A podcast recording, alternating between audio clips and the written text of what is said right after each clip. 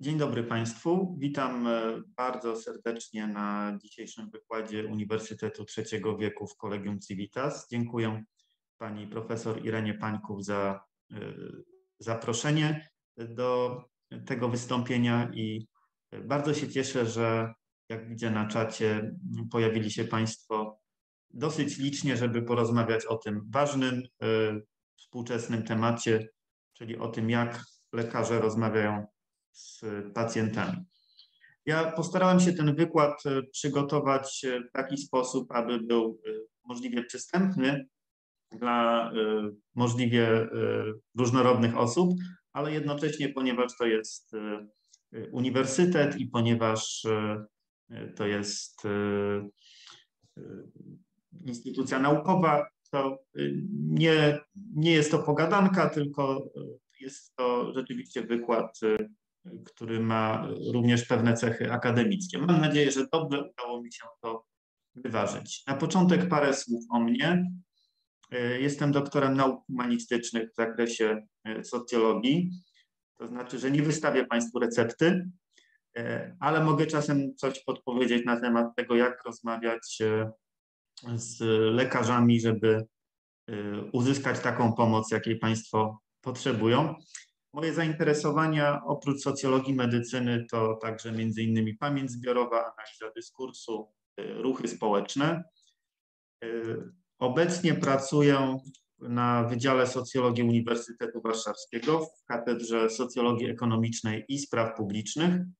Wcześniej przez kilka lat byłem wykładowcą Warszawskiego Uniwersytetu Medycznego, gdzie na różnych kierunkach medycznych, głównie na kierunku lekarskim, uczyłem socjologii, y, czyli tak naprawdę y, studenci medycyny nie zawsze na początku wiedzieli, po co jest intasocjologia i nie zawsze byli przekonani do tego, że jest im potrzebna, ale w gruncie rzeczy ta socjologia, której tam uczyłem, uczyliśmy, to była właśnie wiedza pomagająca w dobrym komunikowaniu się z pacjentem czy z różnorodnymi pacjentami jakich lekarz może napotkać y, w swojej praktyce.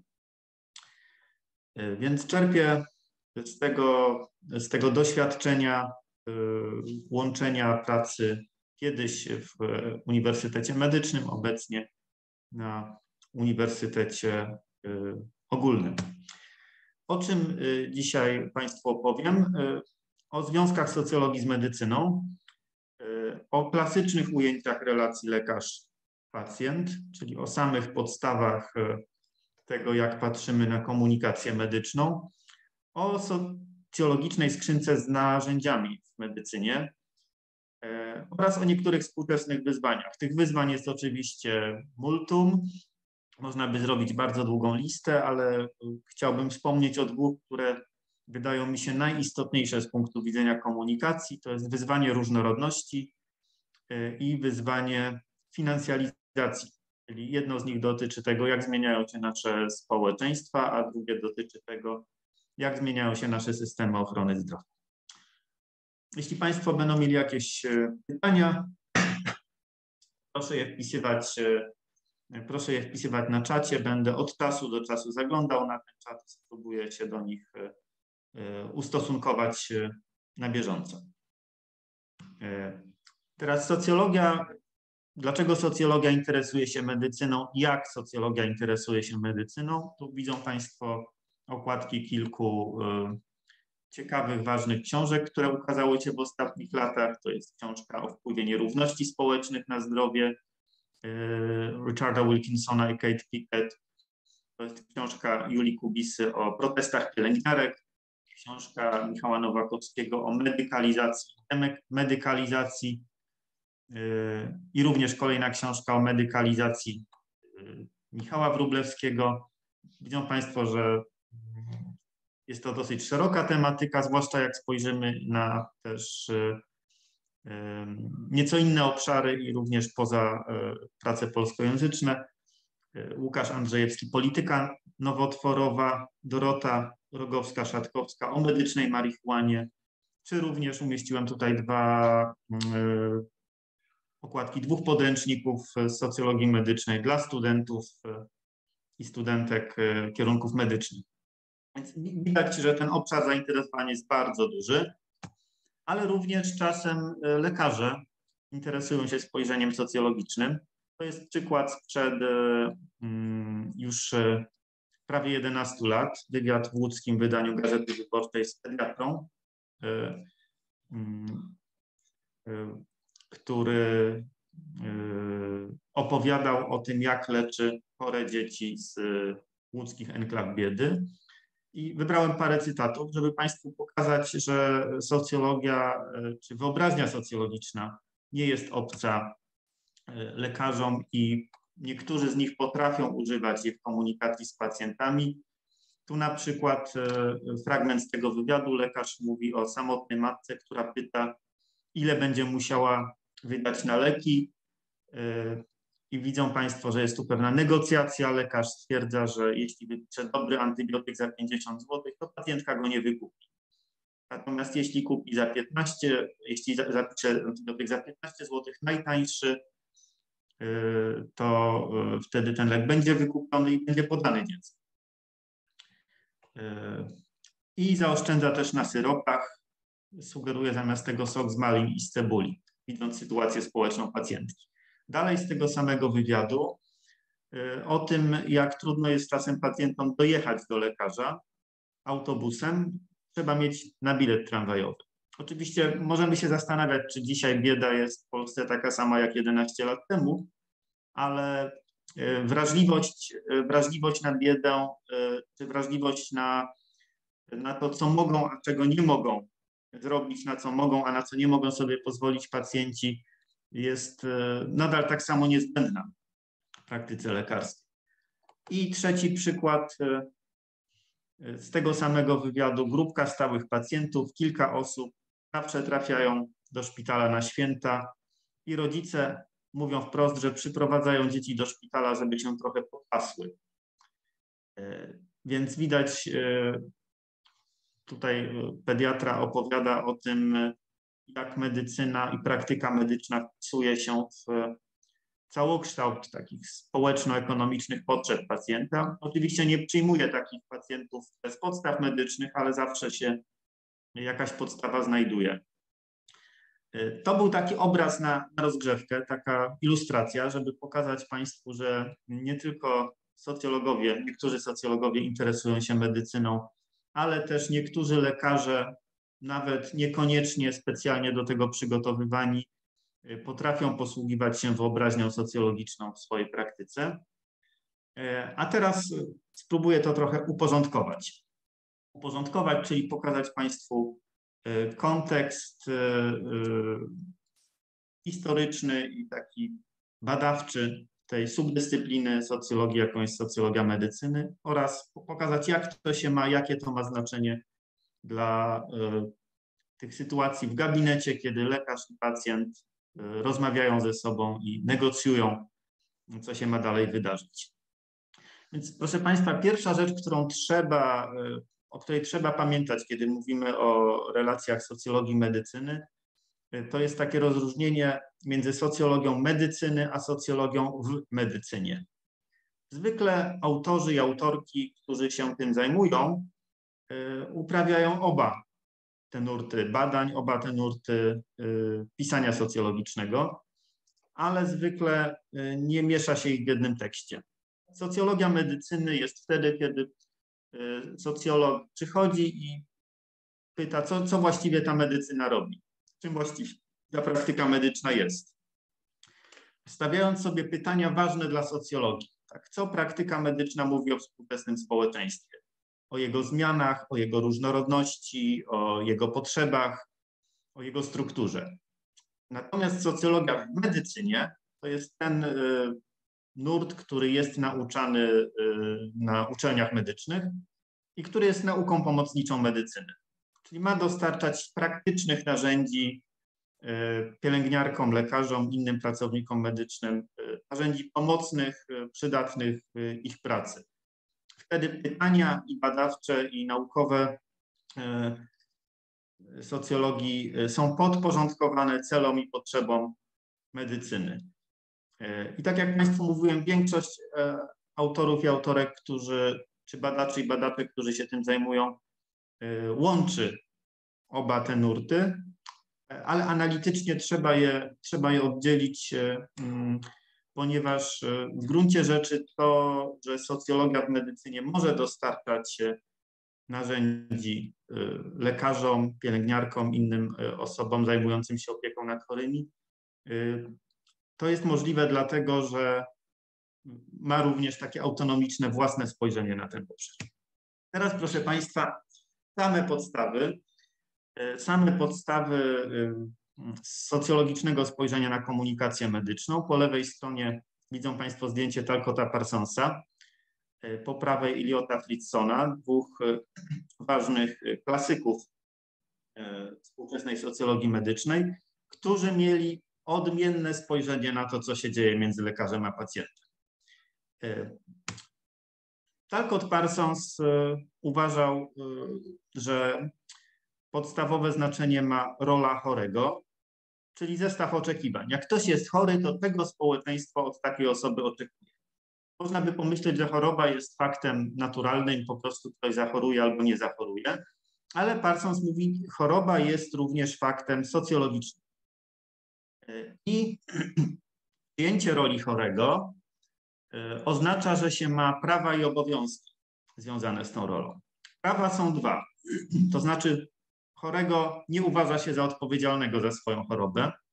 Jak wiemy, są tu pewne wyjątki E, dotyczące niektórych chorób, ale zasada e, domyślna jest taka, że nie uważa się, że ktoś na przykład, kto ma nadciśnienie, albo e, kto ma nowotwór, albo kto ma reumatyzm, no może się ogarnąć i, i przestać chorować aktem woli. Tak, nie, nie jest odpowiedzialny za tę sytuację w tym sensie, że powiedzmy, nie jest jak kierowca, który przekracza prędkość. Jak kierowca przekracza prędkość, to można powiedzieć, ogarnij się, jedź przepisowo.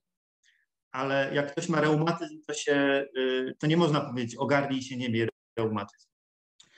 Po drugie, chory jest czasowo zwolniony z obowiązków, różnych obowiązków pracowniczych, y, y, zawodowych, publicznych, rodzinnych. Tak? Uważa się, że choroba, jeśli to jest choroba wyleczalna, oczywiście tymczasowo Y, zwalnia z pełnienia innych ról społecznych, ale za to chory ma też pewne obowiązki. Po pierwsze, musi chcieć wyzdrowieć. I dla Talcota Parsonsa to wcale nie było oczywiste, że chory chce wyzdrowieć. To społeczeństwo y, nakazuje choremu, aby chciał wyzdrowieć. Tak, żeby na przykład ktoś nie uciekał w chorobę na zwolnienie lekarskie. Y, wszyscy wiemy, że czasem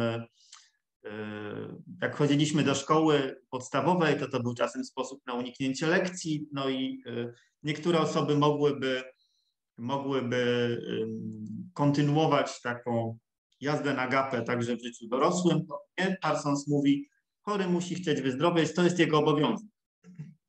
No i żeby sprawdzić, czy chory z tego obowiązku się wywiązuje, to musi współpracować z profesjonalną medycyną. Tak, Talcott Parsons, to są lata 50., proszę Państwa, kiedy ta teoria została e, sformułowana, te badania przeprowadzone e, i jeszcze Stany Zjednoczone, więc trochę inne społeczeństwo, trochę inny okres, ale ciągle wyznacza to pewien horyzont e, czy podstawę myślenia o relacjach lekarza z pacjentem. Ale gdzie tu jest lekarz? Tak mówię Państwu o roli chorego, a gdzie tu jest lekarz? Otóż według Parsonsa role lekarza i pacjenta uzupełniają się, są komplementarne pasują do siebie. E, są tak skonstruowane w nowoczesnym społeczeństwie, żeby ta relacja była harmonijna. Co więcej, Parsons pisze, że obie są zorientowane na kolektyw. Jedno z takich ważnych rozróżnień w jego teorii to jest orientacja na kolektyw albo na zbiorowość i orientacja na siebie. I otóż Według Talcota Parsonsa zarówno rola lekarza, jak i rola pacjenta wymaga orientacji na kolektyw, a nie na siebie. Takim przykładem, którym tego Parsons dowodzi, jest to, że na przykład źle się patrzy na to, żeby lekarze reklamowali swoje usługi albo konkurowali cenowo z innymi lekarzami. Tak, czyli nie jest to taka rola biznesowa, jego zdaniem. I również rola chorego jest e, zorientowana na kolektyw. To się wiąże z tym, o czym Państwu przed chwilą wspomniałem, czyli że uważa się, że chory musi chcieć wyzdrowieć. Nie jest to coś, co się zakłada, że będzie automatyczną reakcją e, człowieka na chorobę. Jest to raczej oczekiwanie społeczne.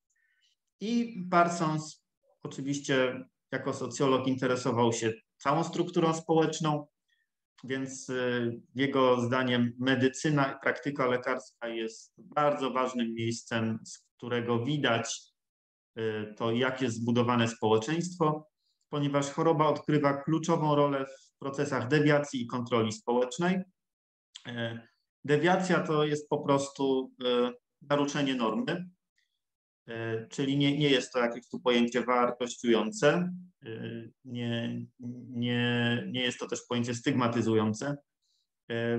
Choroba w pewnym sensie według Parsonsa mogłaby być dewiacją, gdyby chory nie chciał się leczyć. To znaczy chory, który się nie chce leczyć, łamie kontrakt społeczny i staje się dewiantem. W związku z tym choroba jest też takim laboratorium wpisywania jednostek w strukturę społeczną władz społecznych.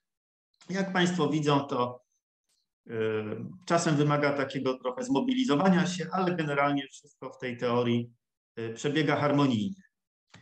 Y, inaczej na to patrzył Elliot Friedson, również amerykański y, socjolog, który sformułował swoją koncepcję w latach 60. Otóż Friedson podkreślał, że lekarze i pacjenci mają sprzeczne oczekiwania wobec konsultacji. Nie tylko oczekują różnych rzeczy, ale ich oczekiwania ze sobą mogą kolidować. Pacjent dąży do rozwiązania swojego problemu, którego choroba jest częścią. Jeszcze o tym za chwilę y, Państwu powiem. Y, czyli nie jest, celem pacjenta nie jest jedynie wyleczenie się z choroby. Natomiast lekarz ma zadaniowe podejście w tym modelu Fritzona, jak najszybciej zdiagnozować pacjenta, wydać zalecenia, wypisać receptę, wypełnić dokumenty i zakończyć wizytę, zająć się następnym pacjentem. W związku z tym, według Fritzona, konflikt między lekarzem a pacjentem jest nieuchronny. I świadomość tego, że sytuacja jest konfliktowa, Fritzon tutaj, proszę Państwa, nie jest pesymistą, bo właśnie uważa, że ta świadomość pomaga w lepszej komunikacji. To znaczy, jeśli zdamy sobie sprawę z tego, że mamy inne oczekiwania wobec tej sytuacji, w której się e, znaleźliśmy, to łatwiej jest nam również e, znaleźć wspólny grunt i, i przejść przez ten cały proces.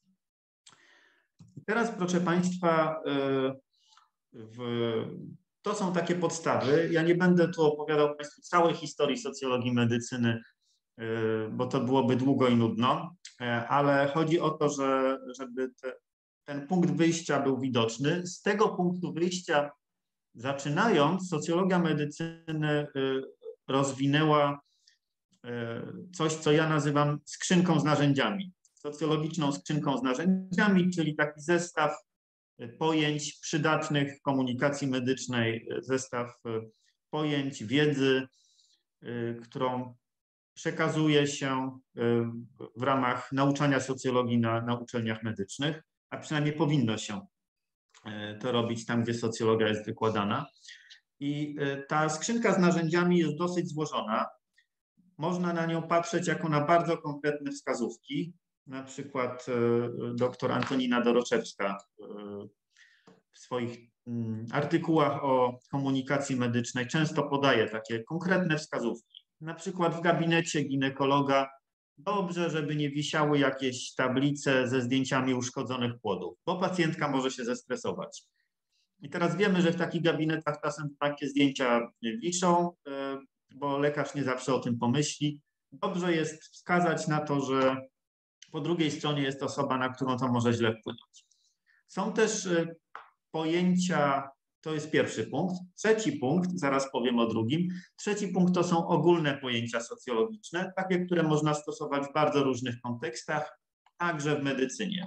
Na przykład pojęcie piętno czy pojęcie dyskryminacji. E, to są e, takie mm, pojęcia, które są przydatne w rozumieniu pewnych aspektów praktyki medycznej. Ale są też pojęcia specyficzne dla socjologii medycyny. Tutaj wymieniłem problem pacjenta, perspektywę pacjenta, kliniczną górę lodową. Zaraz o niektórych z nich Państwu trochę więcej, trochę więcej opowiem. Ale zacznijmy od czegoś innego. Czym jest choroba? Wydawałoby się, że to jest oczywiste. No choroba to jak coś boli albo jak coś jest zaburzone, ale z punktu widzenia socjomedycznego choroba to są co najmniej trzy różne rzeczy i zwykle tu się posługujemy y, wyrażeniami angielskimi, y, z których każde na polski przełożyli po prostu jako choroba. W języku polskim nie mamy y, aż tylu różnych słów opisanych. No, można powiedzieć dolegliwość, można, choroba ma swoje synonimy, ale nie są one tak skodyfikowane jeszcze. Więc choroba w sensie biomedycznym to, to jest po angielsku disease i to oznacza jakąś zmianę patologiczną w tkance, w organie, coś, co można zmierzyć, e, sfotografować, e, zdiagnozować, e, używając aparatury czy używając różnych podręczników wiedzy medycznej. Ale jest też choroba jako subiektywne doświadczenie chorego. Źle się czuje, czuje się chory. Co to znaczy czuć się chorym? Jedna osoba będzie się czuła chora, jak kaszylnie, dla innej osoby kaszel jest, e, pokasływanie jest po prostu częścią codziennego życia i nie, nie, nie uznaje tego za chorobę. Jedna osoba bardzo się zestresuje informacją, że ma na przykład podwyższony cholesterol, a inna osoba uzna, no już taka jest moja uroda. Tak? Więc to doświadczenie psychologiczne choroby, subiektywne doświadczenie tego, co to znaczy, jak cię czuję, kiedy jestem chorym, jest czymś innym odrębnym od e, choroby w sensie biomedycznym. I jest sickness, po angielsku społeczna rola chorego, to znaczy kogo nazywamy chorym, e, jak, e, jak traktujemy chorych. Nie wszystkich chorych traktujemy tak samo, też są różne choroby pod tym względem. Jak zachowujemy się jako chorzy wobec innych ludzi w różnych kontekstach społecznych.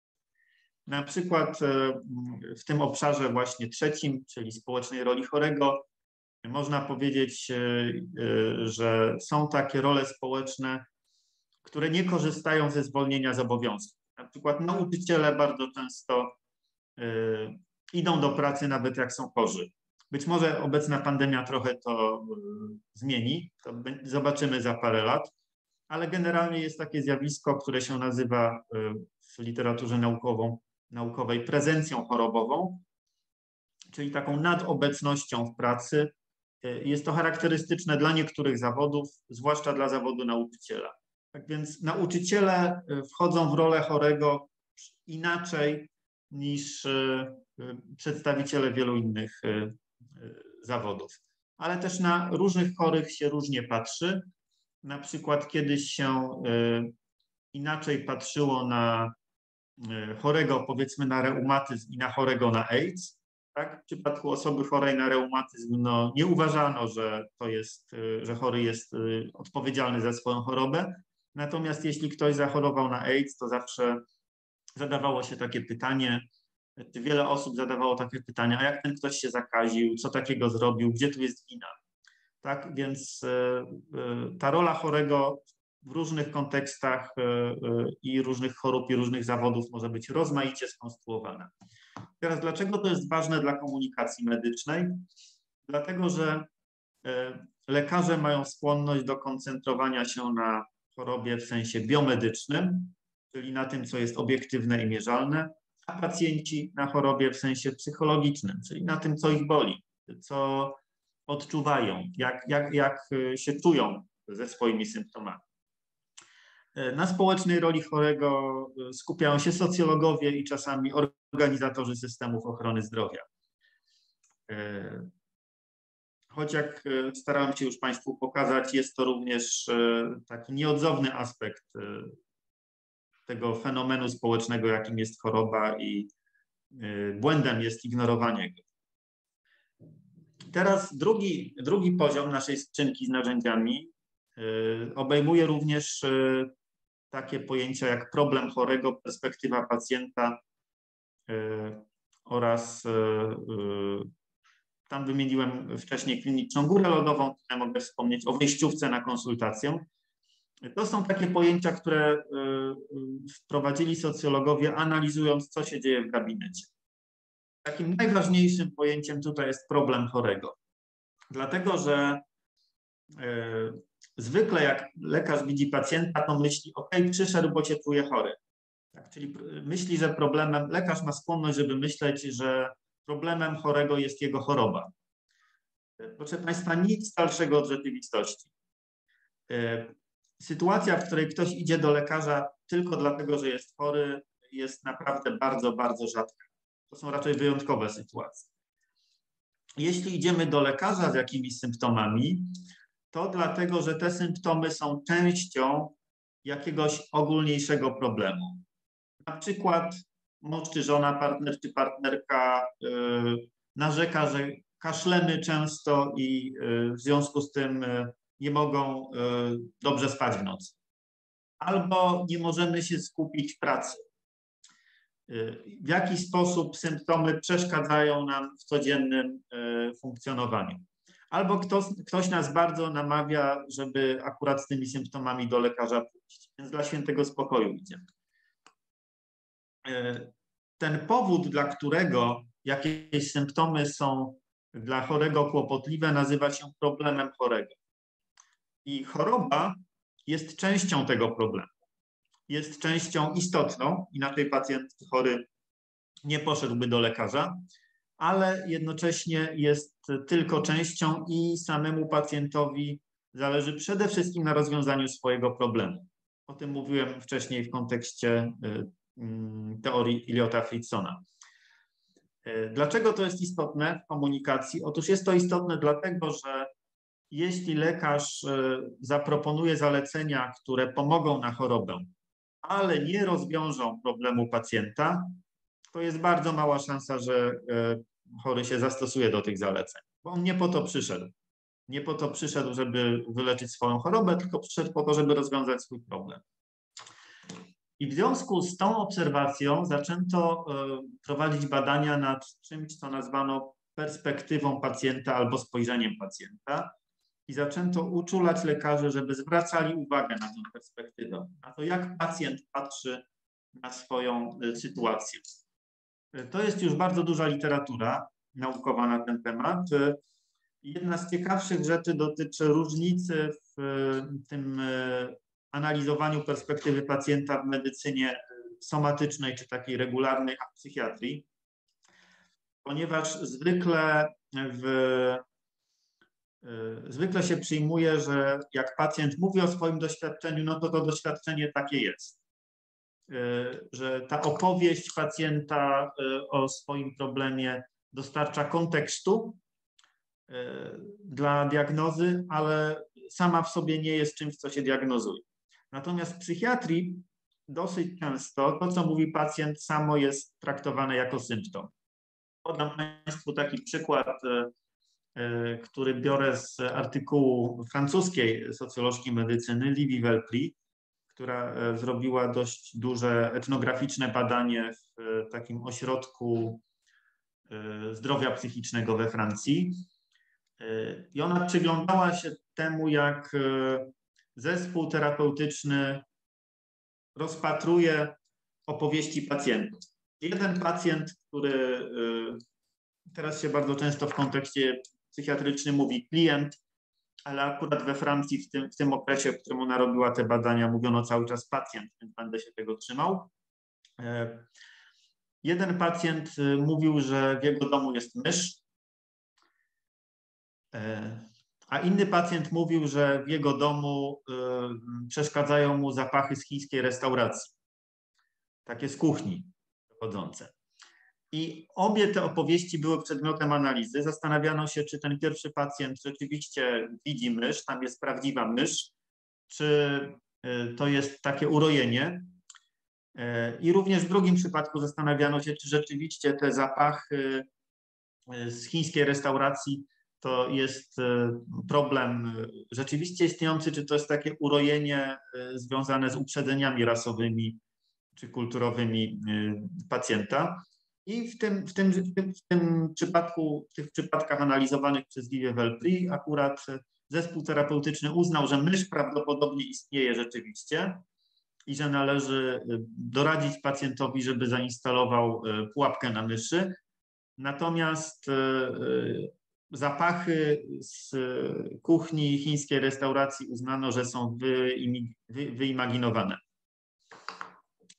Tego typu problemów nie stawia się zwykle, przynajmniej na taką skalę wtedy, kiedy ktoś opowiada o swoim reumatyzmie czy, czy nadciśnieniu.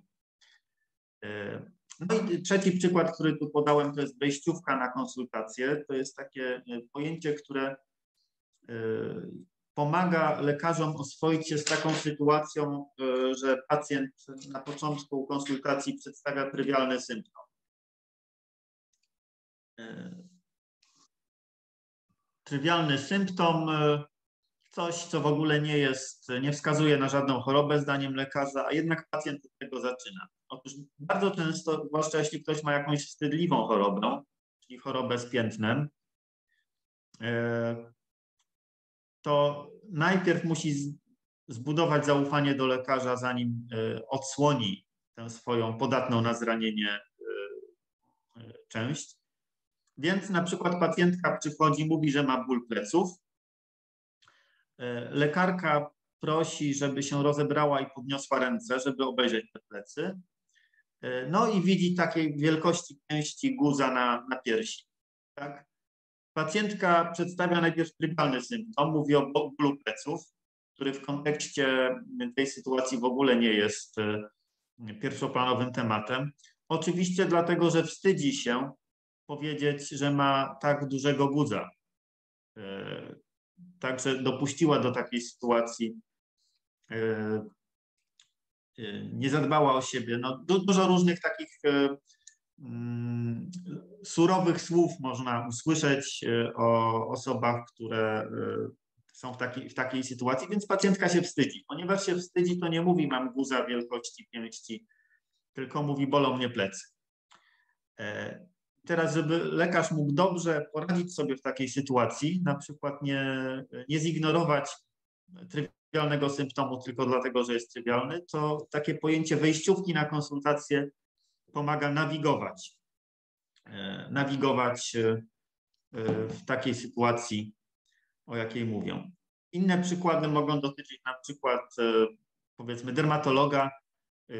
Przychodzi młody pacjent do dermatologa i mówi: O, tutaj mam jakieś stwardnienie na stopie, czy, czy to jest groźne? Dermatolog uśmiecha się i mówi: Nie, nie, y, pojedzie pan nad morze, pochodzi po piasku, to stwardnienie samo zniknie. A wtedy y, pacjent mówi: Ale tu mam jeszcze na penisie takie znamie, czy to jest groźne. Tak, i wtedy wiadomo, że nie przyszedł tak naprawdę ze stwardnieniem na stopie, tylko przyszedł z y, niepokojącym go sygnałem w intymnym miejscu, o którym nie chciał mówić na początku diagnozy dlatego że to miejsce jest e, wstydliwe, ale kiedy już zyskał, nawiązał pewną relację z lekarzem, e, zyskał do niego zaufanie, to e, może również o tym powiedzieć. Teraz lekarz nieprzygotowany do, do tego, że pacjenci mogą używać właśnie takich wejściówek na konsultację, mógłby po prostu uznać, że no, ktoś tu przychodzi do niego z niczym, zawraca głowę. Tak? Dlatego takie pojęcia są przydatne. I trzeci element skrzynki z narzędziami, proszę Państwa, który z bardzo wielu wybrałem tutaj kilka takich najbardziej barwnych. To są trzy sektory opieki czy medycyny według Artura Kleinmana. Kleinman jest antropologiem medycyny. Zajmował się przede wszystkim opisywaniem psychiatrii w kontekście kultury chińskiej oraz u chińskich imigrantów e, w Stanach Zjednoczonych. E, ale model, który zbudował w oparciu o te swoje badania, jest uniwersalny. I tutaj jest takie jego najbardziej e, uproszczone przedstawienie. Także mamy, zaraz pokażę Państwu trochę bardziej skomplikowany rysunek. To ciągle będzie bardzo uproszczony w stosunku do tego, co robi Kleinman, mm, ale idąc metodą kolejnych przybliżeń. Mamy trzy sektory. Mamy medycynę profesjonalną, czyli nowoczesną, opartą na badaniach naukowych, medycynę zachodnią. Mamy medycynę nieformalną, czyli opiekę medyczną sprawowaną przez członków rodziny, samoopiekę, opiekę ze strony przyjaciół, różne porady, które można od przyjaciół uzyskać. I mamy medycynę ludową. To często obejmuje tradycyjną medycynę ludową oraz obejmuje różnego typu e, praktyki e, związane z medycyną komplementarną czy alternatywną, czy niektórzy lubią mówić w tym kontekście o terapiach niemedycznych, zwłaszcza lekarze e, używają określenia terapie niemedyczne. Natomiast Kleinman jako antropolog e, nie wartościuje, co jest medycyną, a co nie jest, tylko opisuje różnorodność e, tego. I teraz widzą Państwo, że te trzy sektory się przecinają. To znaczy, że są między nimi obszary wspólne. Na przykład obszar wspólny między medycyną profesjonalną a nieformalną jest wtedy, kiedy na przykład moja ciocia pielęgniarka radzi mi, żeby antybiotyk brać w taki a taki sposób. Tak, przecięcie między medycyną profesjonalną a medycyną ludową jest wtedy, kiedy lekarz wykształcony na, e, wykształcony na e, Uniwersytecie Medycznym e,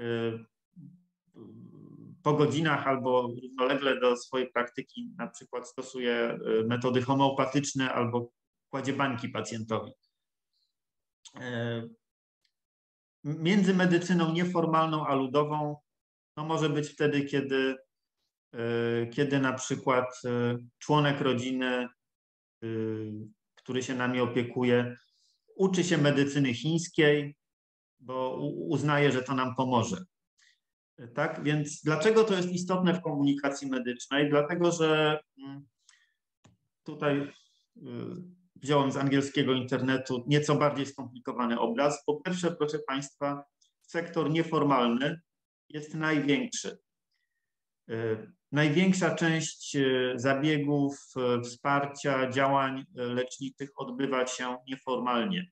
To są nasi członkowie rodziny, to jesteśmy my sami. Odbywa się w ogóle poza jakąkolwiek profesjonalną ochroną zdrowia. Po drugie, jak widzą Państwo, e, pacjenci bardzo często nie poprzestają na tym, że korzystają z e, oficjalnej medycyny czy z profesjonalnej medycyny. Bardzo często uzupełniają to lub zastępują różnego typu terapiami alternatywnymi lub komplementarnymi. I to jest pewien fakt społeczny, z którym się trzeba liczyć. Teraz lekarze będą mieć różny stosunek do tych terapii medycznych e, czy terapii ludowych e, i też e, różny stosunek do różnych metod, bo niektóre z nich mogą być korzystne. Można powiedzieć, że na przykład, nie wiem, ćwiczenie jogi niekoniecznie wyleczy chorobę, ale na pewno nie zaszkodzi i człowiek będzie zrelaksowany. Mogą być niekoniecznie pomocne, ale też nieszkodliwe. Na przykład można mieć wątpliwości, czy aromaterapia działa, ale raczej nikomu nie zaszkodzi, że y, będzie w swoim domu umieszczać odpowiednie olejki, jeżeli poza tym będzie korzystać z pomocy lekarskiej, ale też może być szkodliwa, zwłaszcza wtedy, kiedy taki y, uzdrowiciel czy znachor praktykujący medycynę ludową mówi, żeby nie, nie, pod żadnym względem nie korzystać z lekarza, to trzeba się zdecydować, który, który tryb terapii się stosuje i jak oficjalna medycyna, no to wtedy y, już ten znachor nie pomoże. Więc y, świadomość tego, że y, część potrzeb i medycznych, i pozamedycznych pacjentów jest zaspokajana poza medycyną profesjonalną, jest niezbędna, żeby się dobrze komunikować e, e, z pacjentem i lekarze też muszą umieć wyważyć e, to, jak się komunikować, żeby nie zniechęcić pacjenta do tej profesjonalnej terapii. Są, są, są, są takie lekarze, są tacy lekarze, przepraszam, którzy łączą, czy próbują szukać takich właśnie punktów styku między oficjalną, naukową medycyną, a jakimiś korzystnymi aspektami medycyny ludowej. Są tacy, którzy są w ogóle mm, niechętni czemukolwiek, co nie jest potwierdzone w badaniach naukowych, nie, nie opiera się na współczesnej nauce. I to też jest e, istotna informacja. Z jednej strony le, dla lekarzy ważna jest wiedza na temat różnorodności wśród pacjentów. Z drugiej strony pacjenci też e, wiedzą lub przydałoby im się wiedzieć, że są bardzo różne podstawy lekarzy e, w tym obszarze. To jest na pewno część takiej społecznej różnorodności, o, o której zaraz powiem więcej. E, część związana z tym, że sam stosunek do praktyki medycznej wśród pacjentów jest zróżnicowany, bo także mają różne doświadczenia z medycyną.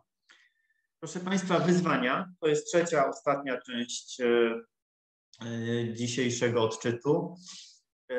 Pierwsze wyzwanie różnorodność i słowo, które może brzmieć trochę obco na początek, ale uznałem, że warto je wprowadzić intersekcjonalność. Zaraz wyjaśnię Państwu, co ono znaczy i dlaczego jest ważne w kontekście e, praktyki e, medycznej. Więc po pierwsze różnorodność pacjentów. To jest coś, co jest stałym faktem w nowoczesnych społeczeństwach, ale jak Państwo widzieli, opowiadałem Państwu o Talkocie Parsonsie, e, o Talkocie Parsonsie, to e, nie zawsze było oczywiste, nawet dla socjologów, że pacjenci są różnorodni. Ta różnorodność e, obejmuje różnorodność wieku.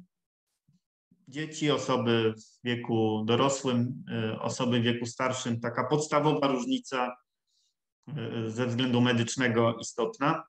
Płci, etniczności, kultury, z której ktoś się wywodzi, y, seksualności, tożsamości, y, całego szeregu różnych y, zmiennych, które mogą być istotne dla praktyki medycznej. Zaraz Państwu pokażę więcej, czy opowiem więcej o tym, jak. Ale to jest też różnorodność lekarzy i pielęgniarek, czy w ogóle białego personelu. Generalnie na świecie od 16 do 17% E, białego personelu to są osoby, które wykształciły się w innym kraju niż ten, w którym pracują. 16 do 17% globalnie na całej Ziemi. Jeśli byśmy spojrzeli na wszystkich pracowników na całej Ziemi, we wszystkich sektorach, to to jest między 2 a 3%. Czyli widać, że e, lekarze i pielęgniarki są szczególnie często migrującym zawodem czy zawodami. E, I e, te migracje są, oczywiście mają swój kierunek. Najwięcej lekarzy e, migrantów jest w Stanach Zjednoczonych. To jest ciągle podstawowy kierunek imigracji czy emigracji, mm. ale także w Wielkiej Brytanii. Przy okazji Brexitu była duża dyskusja na temat tego, że brakuje 47 e, tysięcy pielęgniarek, a właśnie Brexit zamknie możliwość, e, e, możliwości przyjazdu pielęgniarek z Polski czy z Rumunii, czyli krajów ważnych dla funkcjonowania brytyjskiej ochrony zdrowia. Z Polski lekarze i pielęgniarki emigrują do Danii, do Norwegii, do Niemiec. Tak, z kolei do Polski przyjeżdżają. E, ciągle jeszcze nie jest to bardzo e, mm, znacząca liczba, ale będzie rosła, jeżeli mamy zaspokajać nasze potrzeby kadrowe. E, mogą przyjeżdżać lekarze z krajów arabskich albo z Ukrainy. I to jest w pewnym sensie nieunikniony proces, ponieważ wykształcenie personelu medycznego jest bardzo drogie a im bogatszy jest dany kraj, tym jest to droższe. To znaczy taniej jest wykształcić lekarza czy pielęgniarkę na wysokim poziomie w tańszym kraju niż w kraju bardzo bogatym. Na przykład bardzo wielu francuskich lekarzy, czyli lekarzy pracujących we Francji, kształci się w Maroku, Przy czym Maroko jest krajem takim pośrednim, bo są to lekarze z innych krajów afrykańskich, inaczej studenci z innych krajów afrykańskich, którzy przyjeżdżają do Maroka wykształcić się, nauczyć się zawodu na dobrych uczelniach medycznych, a następnie pojechać dalej do Francji, by tam pracować. I ta różnorodność pacjentów spotyka się z różnorodnością lekarzy i pielęgniarek. To tworzy nowe zupełnie wyzwania dla e, komunikacji, ponieważ nasz wiek, nasza płeć, nasze pochodzenie etniczne e, wpływają na to, jak się komunikujemy w ogóle w życiu, a więc również w medycynie. Natomiast w jaki sposób, e, co tu jest specyficzne dla medycyny? Ja wpisałem wpisałem e, pojęcie dyskryminacji tutaj na tym slajdzie, bo ono jest e, mm, istotne i dobre zrozumienie tego, jak działa dyskryminacja jest e, absolutnie niezbędne, żeby cię dobrze komunikować w gabinecie. Zwykle w literaturze jest takie prawnicze rozróżnienie, ale też ważne dla socjologii. Rozróżnia się rozróżnia się mm, dyskryminację bezpośrednią, pośrednią i krzyżową. Dyskryminacja bezpośrednia jest wtedy, kiedy kogoś się bezpośrednio traktuje gorzej. Na przykład, przykład spoza medycyny podam. Y, jeśli kobietom się płaci za tę samą pracę mniej niż mężczyznom, to to jest dyskryminacja bezpośrednia. Dyskryminacja pośrednia jest wtedy, kiedy mamy jakąś regułę uniwersalną, ale ona nie uwzględnia, y, nie uwzględnia szczególnych potrzeb jakiejś grupy. Na przykład, y, proszę Państwa, jeśli w jakimś kraju nie ma urlopów macierzyńskich, jest taki kraj, tak, Stany Zjednoczone, czy urlopów związanych z ciążą, to nie ma ich dla nikogo. Tak można powiedzieć, żadna grupa tu nie jest dyskryminowana, bo nikt nie korzysta, ani kobieta, ani mężczyzna nie skorzysta z takiego urlopu w sytuacji ciąży. E, ale jednak wiemy, że jest taka grupa, która ma e, pewne potrzeby e, szczególne, związane na przykład z tym, że może zajść w ciążę i że nieuwzględnienie tych szczególnych potrzeb jest również dyskryminujące, ponieważ z tego powodu ta grupa jest w gorszej sytuacji niż ta druga, czyli w tym przypadku mężczyźni.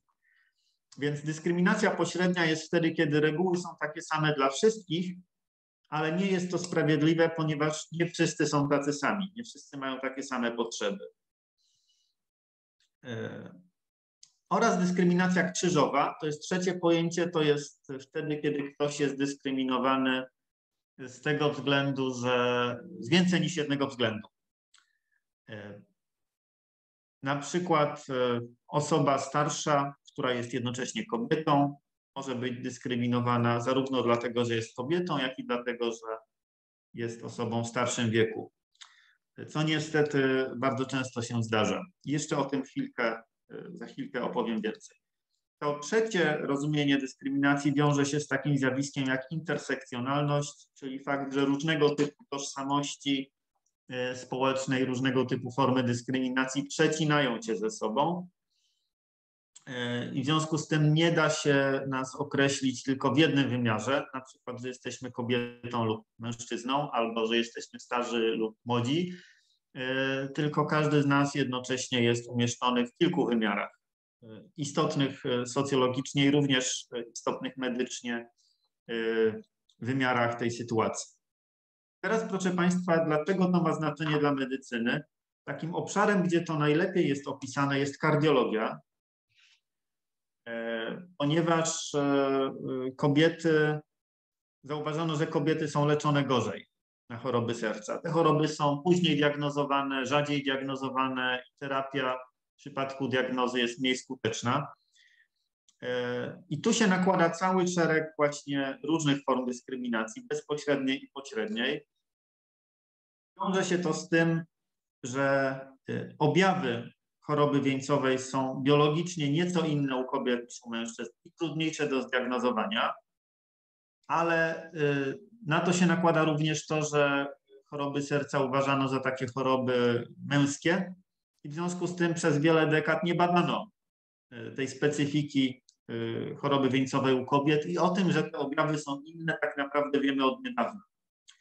Ale nawet są nowe badania, które to przeliczają, nawet biorąc to pod uwagę, i tak mamy pewne elementy dyskryminacji bezpośredniej. Na przykład e, kobietę z tymi samymi objawami lekarz może odesłać raczej na konsultację psychologiczną niż e, na diagnostykę. Ponieważ jest takie przekonanie, że kobiety e, mogą wyolbrzymiać trochę swoje symptomy. I ciągle jest tak, że kobiety chorują na serce rzadziej niż mężczyźni, ale częściej umierają tak, wskutek różnego typu nakładających się dyskryminacji, które chciałbym podkreślić, niekoniecznie muszą zakładać złą wolę lekarzy. Czasami jest to efekt tego, że na przykład y, wiedza na temat diagnozowania jest skrojona pod mężczyznę w y, średnim wieku, a nie pod kobietę w średnim wieku.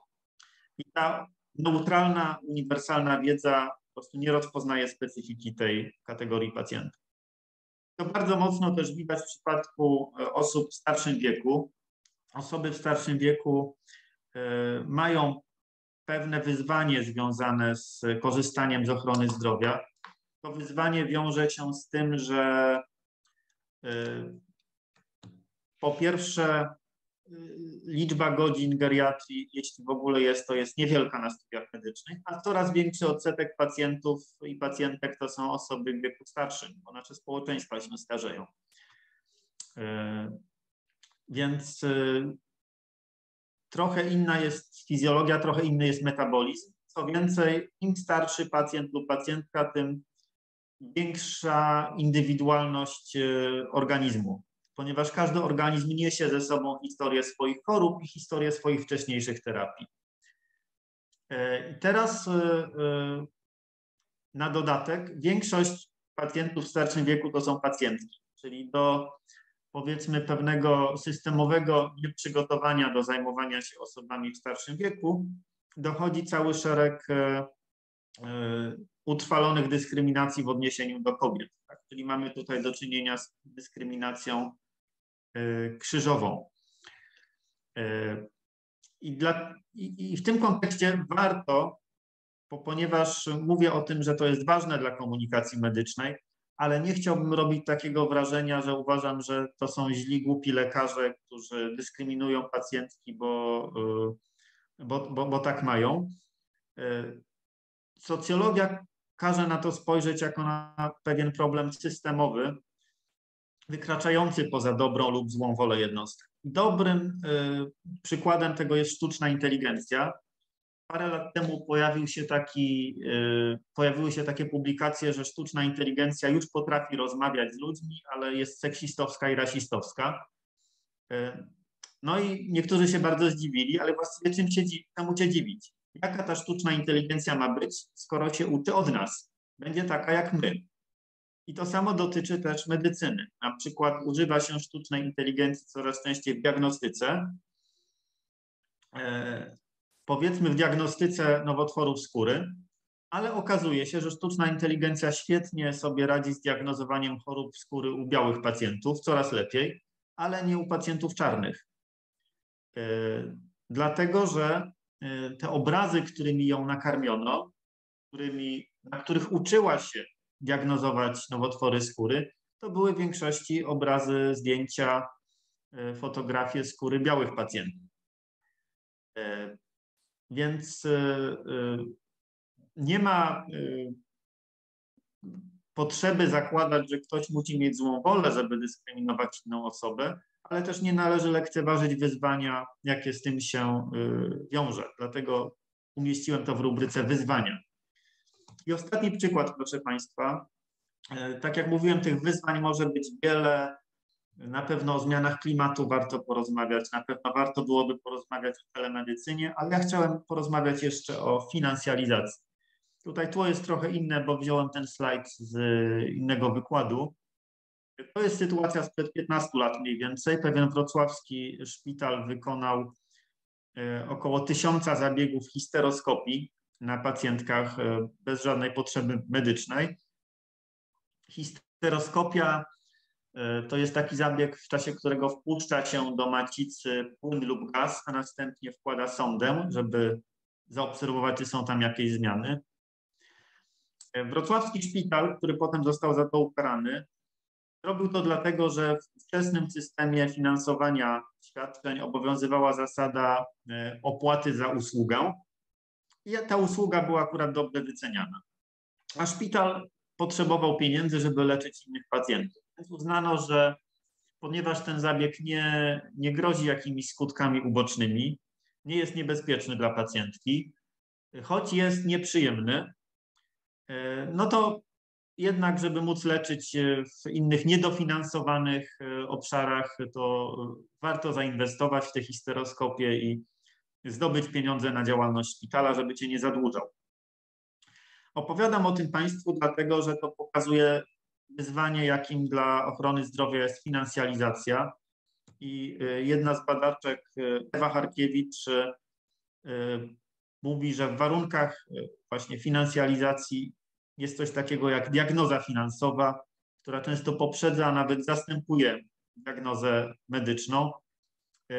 I to jest też o tyle istotny kontekst komunikacji medycznej, że e, sposoby organizowania ochrony zdrowia jej finansowania bardzo często ograniczają to, co może e, zrobić lekarz i zachęcają do tego, żeby robić pewne rzeczy częściej, inne rzadziej.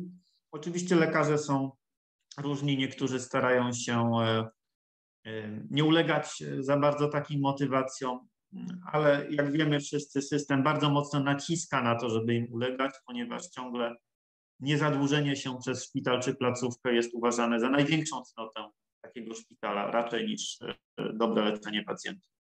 Więc te dwa wyzwania spośród wielu wybrałem różnorodność i finansjalizację w ochronie zdrowia, ponieważ one są dobrym punktem wyjścia do rozmowy o tym, jak komunikacja medyczna wygląda, jak powinna wyglądać, jak byśmy chcieli, żeby nasze systemy ochrony zdrowia się zmieniały, tak aby ta komunikacja była lepsza. To jest wszystko z tego, co przygotowałem dla Państwa na dzisiaj, więc dziękuję za Y, uwagę i jeśli mają Państwo jakieś y, pytania, to y, widzę, że na czacie już są, to spróbuję się do nich odnieść. Mogą też Państwo wpisać jakieś nowe, dodatkowe pytania.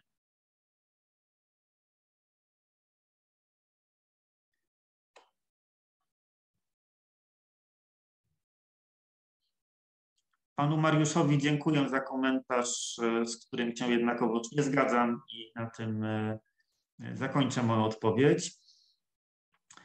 E, pani, pani Ewa Mrówka pyta, czy istnieją uniwersalne techniki, które mogłyby nakłonić do szczepień przeciwko COVID-owi. Mm, obawiam się, że nie ma uniwersalnych technik. E, na pewno e, szczepienia przeciw COVID, e, czy pewien opór, nieufność wobec szczepień przeciw COVID jest w jakimś zakresie efektem błędów komunikacyjnych, także świata medycznego, ale również polityków w okresie pandemii. To znaczy, w czasie, kiedy były prace nad szczepionką, kiedy wprowadzano pierwsze szczepionki, y, wiele osób, y, w tym niestety także naukowcy, zapowiadało, że te szczepionki zrobią więcej niż de facto zrobiły, y, mimo że nie było podstaw aktualnej wiedzy naukowej. Tak, my wiedzieliśmy w momencie, kiedy wprowadzono szczepionki na początku tego roku, czy właściwie pod koniec poprzedniego, wiedzieliśmy, że są bezpieczne, i wiedzieliśmy, że skutecznie chronią przed objawami w okresie kilkunastu tygodni po podaniu. To jest to, co wiedzieliśmy na pewno i to się akurat nie zmieniło, mimo że nawet miałoby prawo się zmienić to drugie, bo wirus się zmienił. Natomiast my jeszcze wiosną tego roku nie wiedzieliśmy, czy szczepionki będą zapobiegać e, zakażeniom i e, transmisji wirusa wobec innych osób. E, to jest coś, co można było stwierdzić dopiero obserwując. Duże populacje, ta, te obserwacje są cały czas toczone i ta wiedza się zmienia, bo zachowania wirusa się zmieniają. Natomiast nie należało obiecywać odporności zbiorowej e, w sytuacji, kiedy wiedza naukowa e, nie dawała podstaw, żeby sądzić, że ona będzie, ponieważ ludzie, którzy raz się poczuli wprowadzeni w błąd albo uznali, że osoby z tytułami naukowymi same nie wiedzą, co mówią, nie będą ufać, nie będą ufać tej wiedzy następnie. Wiem, że to wynikało z dobrej woli, z tego, żeby naprawdę zachęcić ludzi do szczepień. Ja również bardzo chciałbym zachęcić wszystkich do szczepień, którzy e, jeszcze tego nie zrobili. E, natomiast e, nie należy straszyć za bardzo ani za dużo obiecywać. Medycyna może tyle, ile może i wiemy tyle, ile wiemy. Ale prawda też jest taka, że główna część problemu ze szczepieniami wiąże się z tym, że wcześniej istniejące podziały społeczne i polityczne znalazły sobie nowy obszar e, zastosowania i że nie jest to e, w głównym, e, w największym stopniu to nie jest odpowiedzialność lekarzy, naukowców czy polityków zajmujących się szczepieniami, że ten opór wobec szczepień istnieje. To jest efekt nieufności do instytucji publicznych. I w tych krajach w Europie, gdzie nieufność do instytucji publicznych jest największa, to też poziom zaszczepienia ludzi jest najmniejszy. Więc e, e, tego się nie da rozwiązać o tak, nie ma żadnego triku. Budowanie zaufania zajmuje wiele lat, a utrata zaufania no czasami wystarczy jedna niezręczność, aby je stracić. Więc to jest raczej długofalowa inwestycja w budowanie, w budowanie zaufania. Więc w krótkim okresie to jest trzecia część mojej odpowiedzi. Pozwalam sobie odpowiadać dosyć rozwlekle, bo pytanie jest bardzo ważne y, i bardzo aktualne. Pozostają różnego typu zachęty, czyli metody kija i marchewki, jak to się czasem potocznie mówi. Y, I tutaj kluczowe jest dobre skalibrowanie tych zachęt, dlatego że przeszarżowanie y, może sprawić, że Y, może sprawić, że efekt będzie odwrotny, czyli że będzie jeszcze większy opór zamiast y, podporządkowania się tym oczekiwaniom y, społecznym czy państwowym w odniesieniu do szczepień, ale z kolei brak odwagi we wprowadzaniu takich działań, na przykład w obliczu tego, że ludzie będą protestować, też nie jest dobrą postawą. Ludzie wszędzie protestują e, i na różne tematy to jednak e, przywódcy państwa biorą odpowiedzialność za to, które protesty będą traktować poważnie, a których nie, i to jest ich wybór. Nie jest żadna obiektywna sytuacja. Więc trzeba znaleźć złoty środek e, w tym przypadku, a znalezienie złotego środka czasami oznacza także działanie metodą prób i błędów. Bo to, co raz zadziała, innym razem jako socjotechnika może się nie sprawdzić. Pani Małgorzata y, Brzozowska pyta, jak rozmawiać z lekarzem, aby był zainteresowany moimi dolegliwościami nie zagadywał na inny temat. Może to wynika z braku czasu dla pacjenta, bo musi wypełnić papiery. Na pewno lekarze mają y, na pewno lekarze mają presję czasową w obecnym systemie e, i mają też dużo papierów do wypełnienia. E, jeśli pani ma wrażenie, że lekarz e, zagaduje na inny temat, no to jest, to jest ciekawa sytuacja, bo może lekarz po prostu chcieć oswoić taką stresującą sytuację. Stresującą być może być może uważa, że dla pani może być stresująca, być może y, sam potrzebuje czasem odpocząć. Mnie się zdarza, że jak wchodzę do gabinetu lekarskiego i widzę, że y, lekarka czy lekarz jest osobą właśnie spiętą, y, że, że na przykład mogła mieć trudnego pacjenta wcześniej, czasem daje kilkadziesiąt sekund, minutę na to, żeby posiąść. I najlepiej jest otwarcie powiedzieć o tym, jaki pani ma problem, bez, bez agresji, y, kulturalnie, y, ale można po prostu porozmawiać o tym, gdzie, gdzie komunikacyjnie się Państwo nie spotykacie. Myślę, że taka otwartość w nazywaniu tego, jakie są Pani potrzeby, na pewno albo pomoże Pani lepiej współpracować z tym lekarzem, z którym Pani pracuje, albo skłoni Panią do tego, żeby poszukać innego lekarza, z którym będzie się Pani lepiej dogadywać. Tak bym, y, tak bym y, zgadywał, że tak, y, tak by należało postępować, ale oczywiście Pani zna swoją sytuację znacznie lepiej niż ja, więc sama Pani oceni, czy moje rady są coś warte. Pani Ewa Mrówka po, ponownie, że pracodawca zapłacił pracownikom jednorazowo za zaszczepienie się. W niektórych sytuacjach to może działać. To jest bardzo ryzykowna metoda, płacenie za takie działania, e, dlatego że są badania w ekonomii behawioralnej na ten temat, że czasami płacenie za coś sprawia, że znika samoistna motywacja, żeby to robić. E, I wtedy, e, I wtedy ktoś już następnym razem się nie będzie chciał zaszczepić, dopóki mu nie zapłacą. To jest realny problem ale y, zgadzam się, że w y, tej sytuacji, w której jesteśmy i w której jest potrzeba, żeby dużo osób się zaszczepiło w dużo większym stopniu niż, niż to mamy obecnie, to y, uważam, że jest to warte ryzyka.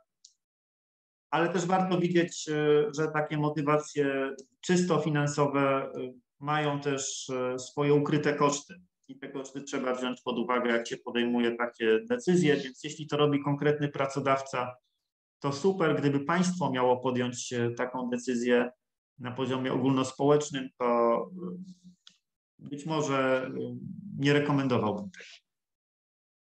W każdym razie miałbym więcej obaw z tym związanych. Czy mają Państwo jeszcze jakieś pytania?